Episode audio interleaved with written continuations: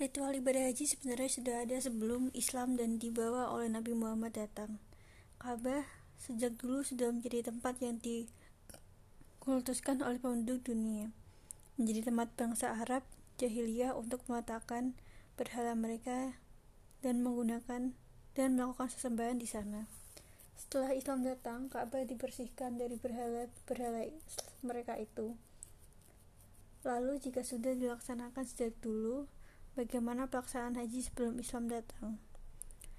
Ibadah haji adalah ibadah yang dimulai sejak zaman Nabi Ibrahim. Ibadah ini bertujuan untuk mengakui adanya Allah sebagai Tuhan seluruh makhluk.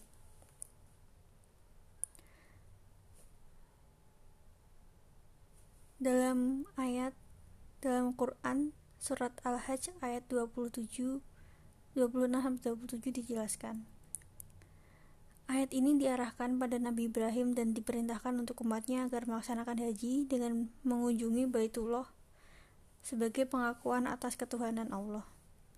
Namun seiring berjalannya waktu, ibadah haji terjadi ternodai. Ia tak lagi menjadi ibadah yang mengakui Allah sebagai Tuhan, tapi justru menjadi bentuk kemusyrikan yang dilakukan oleh orang-orang Arab jahiliyah.